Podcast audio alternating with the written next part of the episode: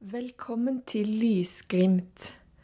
Jeg heter Katerine, og dette er podkasten for deg som liker å høre på kristne historier. Dagens historie heter Lett. Jeg går gjennom en dør. På den ene siden er en sint hund som flekker tenner. På den andre en mann med sverd. Det er vanskelig men jeg må gå forbi. Jeg trekker pusten dypt. Gud, hold meg oppe. Redd meg. Helbred meg. Jeg har deg, min datter. Plutselig ser jeg en tunnel. Jeg går sakte gjennom, men jeg må innrømme at de berømte sommerfuglene som flakser i magen min, distraherer meg litt. Hva vil møte meg på den andre siden? Det er ikke lett å gå gjennom tunnelen.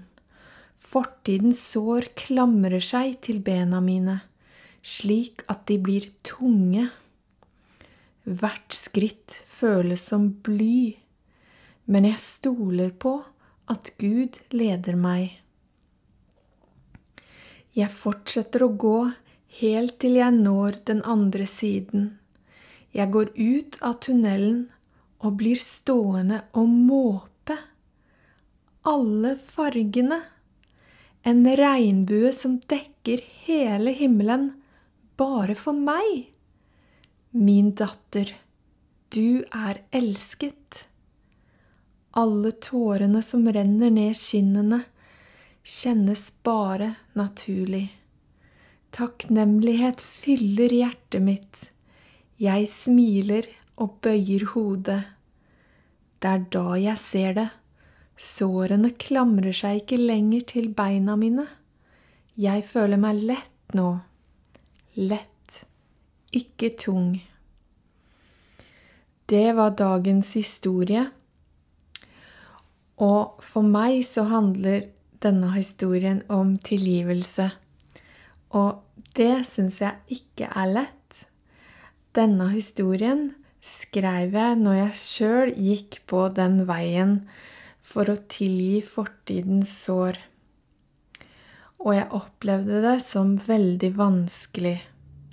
Men når jeg har tilgitt, så kan jeg føle lettelsen i kroppen. Og det er alltid verdt det. Vil du be sammen med meg i dag?